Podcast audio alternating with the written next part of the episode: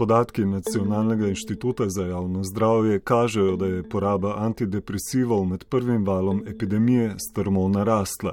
Aprila je bilo izdanih za 21 odstotkov antidepresivov več kot enakega meseca lani, maja kar za 41.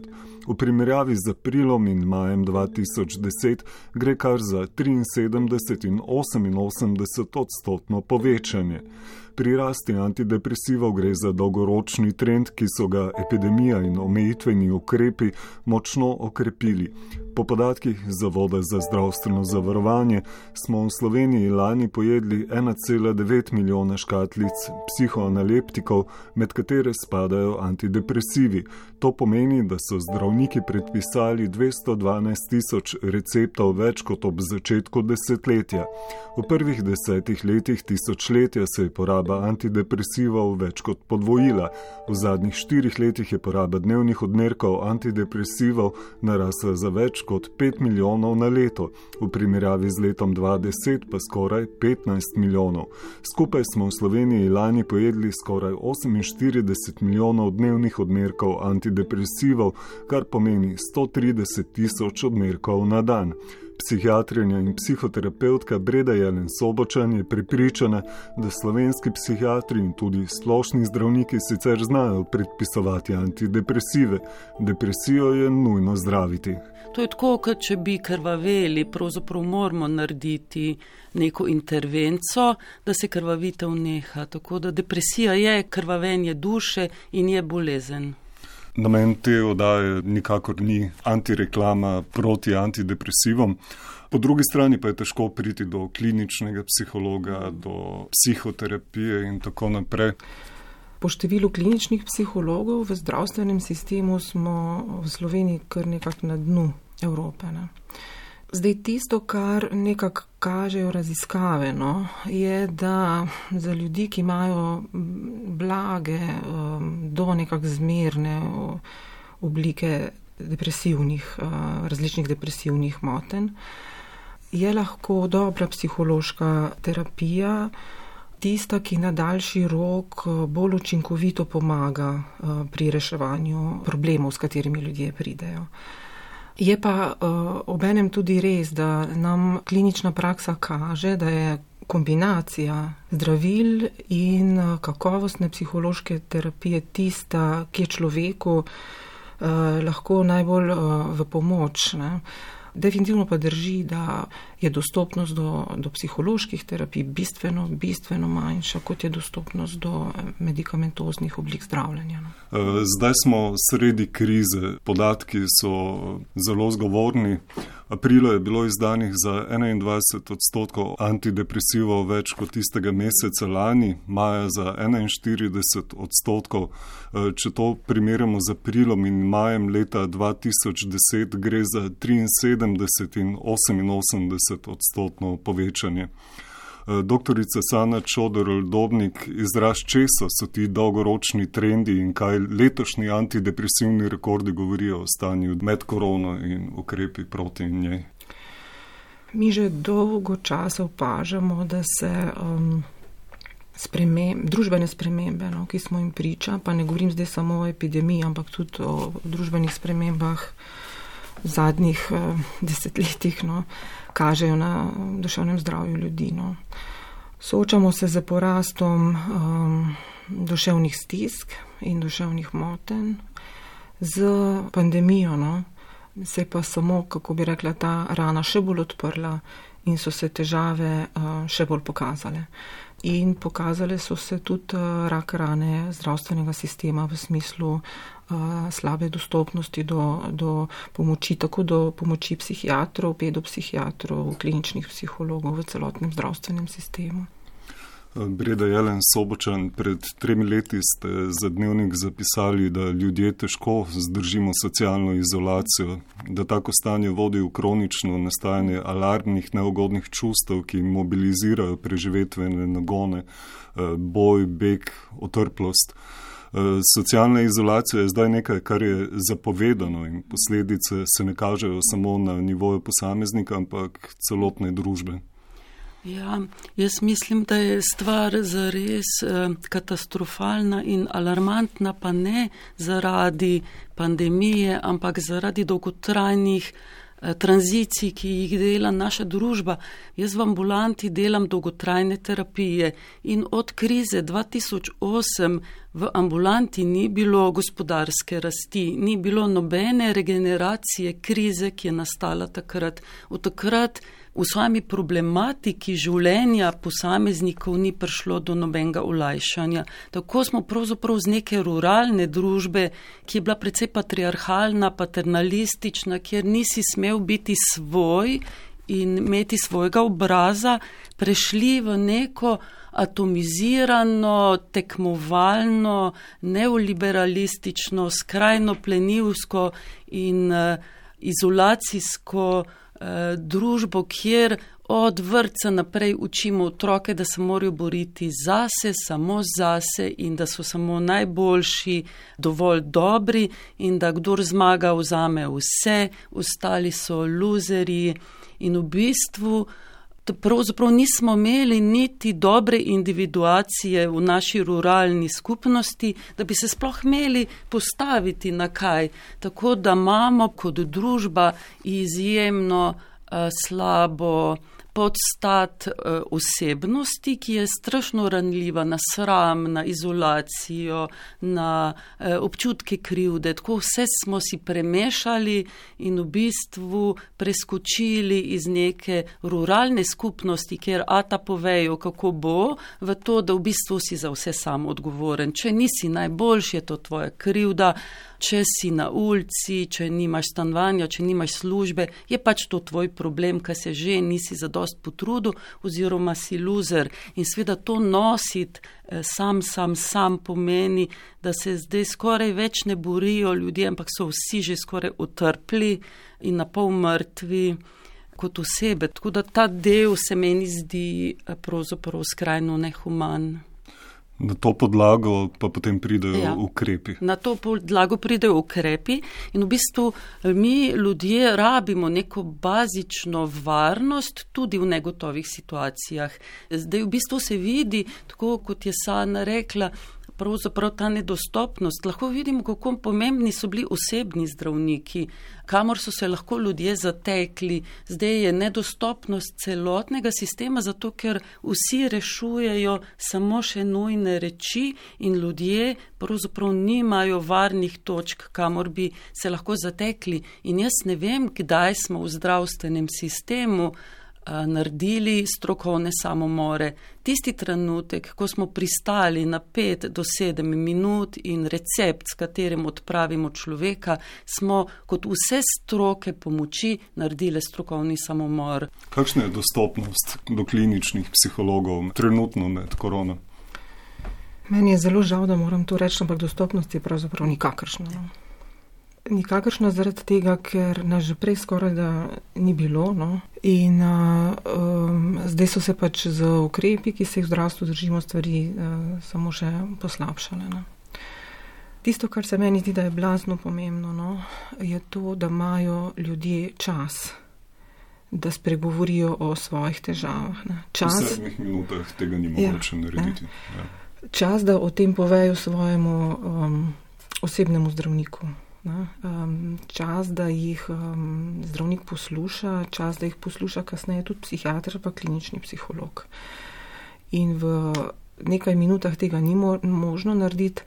Uh, prav tako mi, uh, klinični psihologi, ne moremo tega narediti v nekaj urah terapije ne, kar se nekako tudi uh, od nas uh, pričakuje, da bomo tudi v, v sklopu te nove resolucije v nacionalnem programu duševnega zdravja, ne, da bomo izvali terapije, ki so, ki so kratkotrajne. Ne, Uh, na kar pa mi klinični psihologi ne pristajamo. No. Uh, ljudje morajo dobiti toliko pomoči, kot je potrebujejo, in ljudje se razlikujejo v tem, koliko časa potrebujejo za to, da se njihove rane zacelijo. Ne.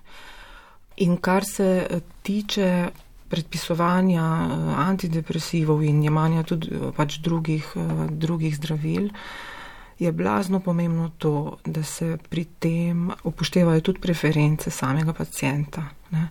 V zbornici kliničnih psihologov ste konec oktobra na predsednika vlade, predsednika republike, ministrstva naslovili poziv, v katerem spodbujate razmislek o vplivu epidemije in spremljajočih ukrepov na otroke in mladostnike in družine. Eh, pridružili ste se pobudi specialistov otroške in mladostniške psihiatrije, da se intenzivno iščejo možnosti, kako ohraniti delovanje zdravstva, šolstva in socialnega varstva. Eh, šole so zdaj zaprte ukrepi se z današnjim dnem še zaostrujejo, kakšne bodo lahko posledice? Kaj točno in kako se bo to pokazalo, jaz mislim, da bo v resnici pokazal um, šele čas. Menimo pa, da so otroci in mladostniki v tej epidemiji pravzaprav postali spregledana skupina. No? da smo na njih na nek način kar pozabili, da v, v družbi ne razmišljamo o tem, kakšen dolgoročni vpliv na razvoj uh, otrok ima ta ukrep. Ljudje na načeloma smo psihološko odporna bitja, ne? kar pomeni, da smo se do določene mere zmožni prilagajati na neke stresne spremembe ne, v okolju. Ampak da obstajajo pa določene ranljive skupine ljudi, ki pa to naredijo težje. In otroci in mladostniki so takšna ranljiva skupina. Ne? In uh, zaradi tega bi morali pač pri opredeljevanju ukrepov na to ranljivo skupino bolj misliti. No? Ali že mladostniki jemljajo antidepresive? Kakšno imamo stopno suicidalnosti mladostnikov, bi moralo pravzaprav vsakršno oblast uh, dati v. Eh, dolgoročno razmišljanje, kakšno družbo ustvarjamo. Da, ja, jaz mislim, da nam zvonijo že dolgo vsi alarmi. Torej imamo mlade na antidepresivih. Imamo mlade, eh, ki delajo suicide, ne samo to, da so na antidepresivih. Danes morajo otroci dajati na obraz maske, eh, zapovedana je socialna distanca. Kaj pomenijo ti in drugi ukrepi z psihološkega vidika, še posebej za otroke? Lahko to sproža občutke krivde, sramu, ne na zadnje nam vse čas poročajo, kot je to obesedila Renata Salecel, da smo človek človeku virus. Po drugi strani pa je veliko tudi odvisno od staršev, kako predstavijo te ukrepe otrokom, ali iz tega naredijo neko dramo, ali skušajo pomiriti otroke. Na njih se prelaga zelo veliko, marsikdo nima kompetenc, da bi eh, to zmogel. Ne? Vznemirjen starš zelo težko pomiri otroka. Ne? Starši so v tej situaciji um, še posebej obremenjena skupina. Ne? Obremenjeni zaradi tega, ker so otroci doma, ker jih morajo šolati, obremenjeni zaradi tega, ker morajo biti pogosto hkrati še na voljo v službi, vznemirjeni predvsem zaradi skrbi, zaradi negotovosti, kam bo ta epidemija vodila in kakšne posledice, jaz mislim, da predvsem tudi finančne. No bo, bo ta epidemija imela za njih. Ne? Tako da starši se tudi soočajo z enim takim eksistencialnim strahom, kako bodo preživeli družino. Tako da v takem stanju um, starš zelo težko deluje podporno na svoje otroke in jih, um, in jih pomiri. Ne? Videli smo, da se je manipuliralo s podatki glede šol eh, in eh, COVID-a. Menite, da bi kljub epidemiološki situaciji morali razmišljati v to smer, da se čim prej odpre šole? Jaz moram reči, da pogrešam v razpravah v zvezi z ukrepi razpravo o psihosocialnih posledicah tega ukrepa ko je prišla ta pandemija, kot sicer presenečenje, bi jaz pričakovala, da tako razvita družba, kot je zahodna, da se bo znala organizirati, da naredi po pravilih kriznega eh, menedžmenta neko strategijo. Se pravi, da se zberejo ljudje, ki se spoznajo na bolezen, ljudje, ki se kolikor se pač ve, ki se spoznajo na epidemiologijo, ki se spoznajo na družbo, ki se spoznajo na zgodovino, eh, se zbere filozofe, psihologe, ljudje, ki delajo z razvojnimi. Se pravi, da se naredi eno telo, ki bi naredilo neko osnovno strategijo in v bistvu organizacija tako bogate družbe, kot je naša, da ni mogla poskrbeti za neko temeljno varnost za preživetje, da v bistvu delajo v domovih za ostarele ljudje za tako bagatelo, tako težko in odgovorno delo, da v tem času poletja nismo mogli urediti teh gmotnih reči, je samo temelj tega, da se ne moramo dogovoriti, kako peljati uh, uh, relacijo z virusom. No? Ki je samo virus, družba pa nam razpada. Tudi ekonomsko razpada. Ne? Te dolgove bomo morali plačevati, ljudje so pod Seveda. pritiskom, ne vedo, ja. ali bodo še ja. imeli službe, kako odplačevati kredite. Jaz, jaz sem pravzaprav ugorčena, ker 2.8 ni bilo denarja in so v bistvu stisnili množico ljudi. Cela Evropa je dušila in Grčijo in seveda vse banke smo rešili in ni bilo denarja. Zdaj je nenadoma poplava denarja, ki spet ne gre za to, da bi običajni ljudje, ki so samo še mašine um, za delo, se pravi vsi ti starši, ki so bili do zdaj mašine za delo, nenadoma morajo skrbeti za druge reči in ne zmorejo več. Uh, in sem v bistvu ogorčena nad uh, tem, kakšen ekonomski dogovor smo vzpostavili. Pri ukrepih se pogosto sklicuje na solidarnost, to da solidarnost naj bi bila po definiciji prostovoljna. Tu pa je postavljena v kontekst krivde, kazni, strahu. To je perverzno, tam, kjer bi v bistvu morala bogata družba poskrbeti za svoje posameznike, ki jih volijo in in jim absolutno zaupamo. So v bistvu v tako organiziranih družbah, kot je naša, smo posamezniki popolnoma nemočni. Moraš zaupati vlakovodji, moraš zaupati pilotu, moraš zaupati zdravniku, moraš zaupati negovalki v domu ostarelih in to zaupanje plačujemo en drugemu. In v bistvu tam, kjer bi moralo sistemsko to delovati, se zdaj pričakuje, da se bo delilo hrano, da boš, ker si dober, prispeval ali prosti čas za delo z ostarelimi v domovih, kar je lepo, ampak bi moralo biti dodatek, ne pa nujno za preživetje ostarelih. Tako da ta del je absolutno perverzen. Ali menite, da bi se dalo boljše učinke doseči tudi z manj zastraševanja, represije, kaznovanja?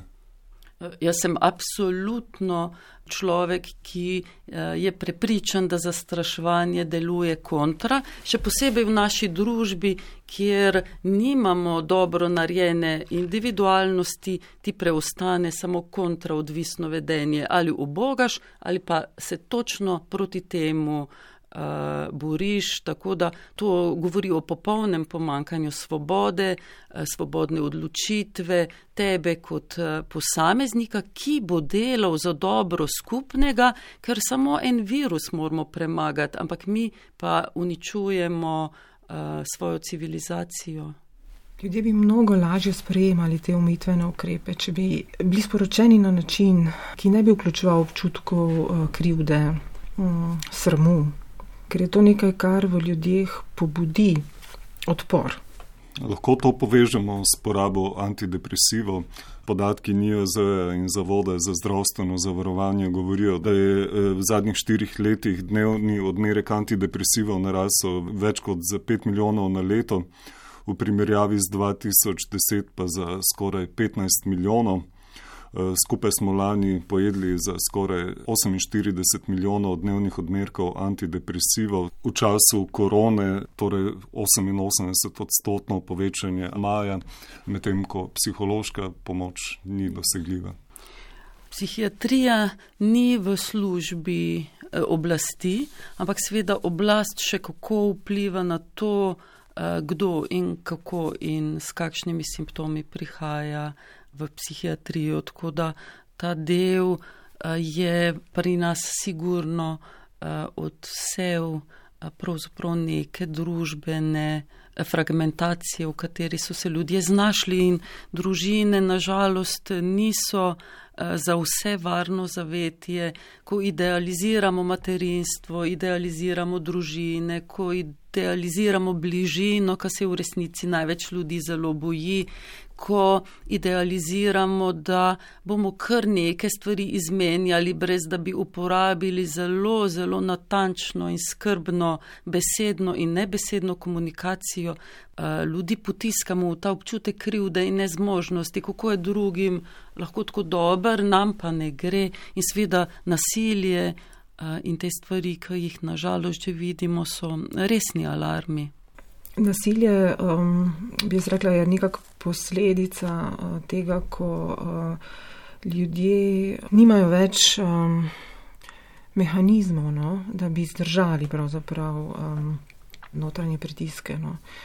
So tudi uh, sociološki dejavniki, dejavniki v, v družbi. No, uh, tisti, ki pač eh, delujejo lahko v taki epidemiji, ki smo jih zdaj priča, kot en tak eh, sprožilec, no, ki potem odpre en ventil, da se, da se potem nasilje, nasilje sproži. No. Če mi zadost zgodaj ljudi, ki imajo neke notranje pritiske, lahko vodimo v to, da bodo našli boljše načine za komunikacijo, lahko svojih notranjih ali zunanjih konfliktov, ko jih pravzaprav vodimo skozi psihoterapevtsko delo do tega, da bolj vejo, kdo so oni, kdo so drugi, kako je s konflikti, kako sprejeti različnost, drugačnost, kako zdržati neke frustracije, kako ne vključvati, ne uporabnih čustev, kot je sram in krivda tam, kjer sta popolnoma neuporabna. Tako da na tem delu mi sveda največ naredimo za duševno zdravje posameznika, para, družine, otrok, eh, skupnosti. Tako da zdravila so, tako kot je Sana rekla, nekaj, kar ljudi toliko notranje stabilizira, da lahko začnejo misliti svoja čustva. Ko enkrat ujde jo čustva izpod kontrole mišljenja in duha, potem nas mora resno skrbeti, ker pravzaprav ne vemo, kaj vse je v nas, kaj šele v drugem. Tako da ni se zaigrati z nereguliranim delom človeka in družbe tablete torej tega ne bodo rešile. Ne. ne.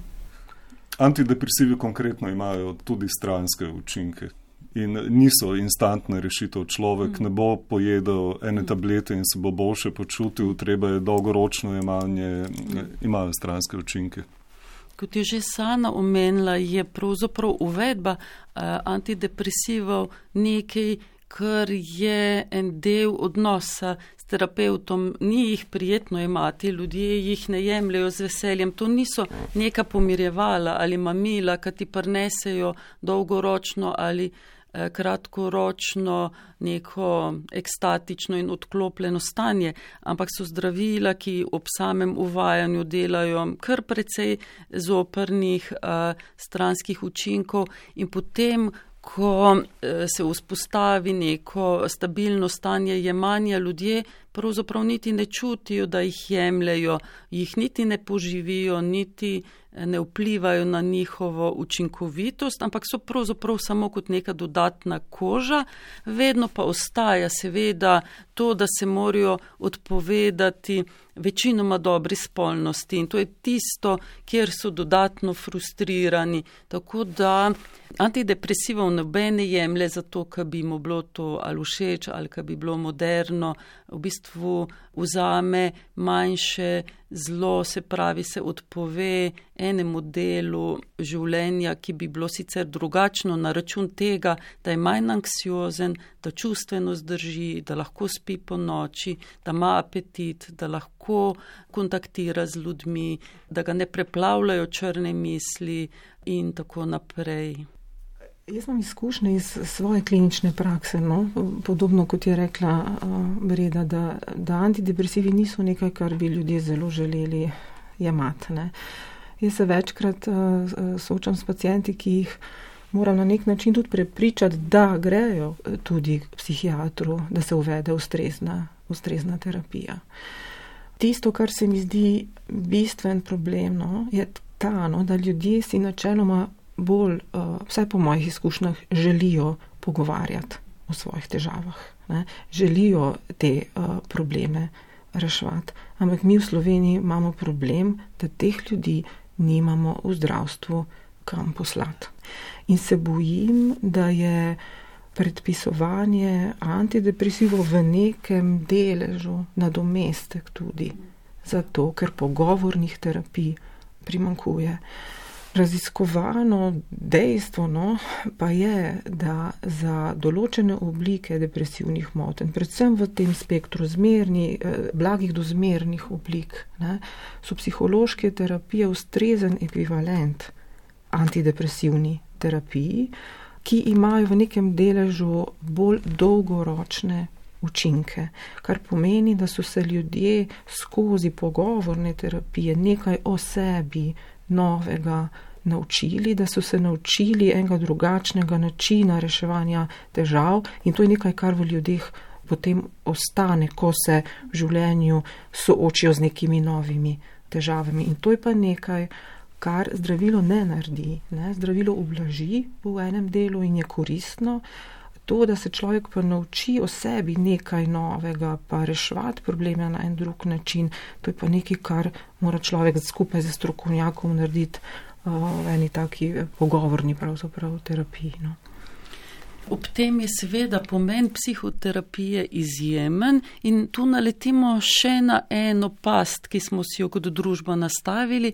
V tem času od osamosvojitve nismo uredili statusa psihoterapeuta. Ljudje pravzaprav svoje psihološke mehanizme dajo v roke zelo nevarnim ljudem pogosto. Ta neurejenost je naslednja eh, problematična reč.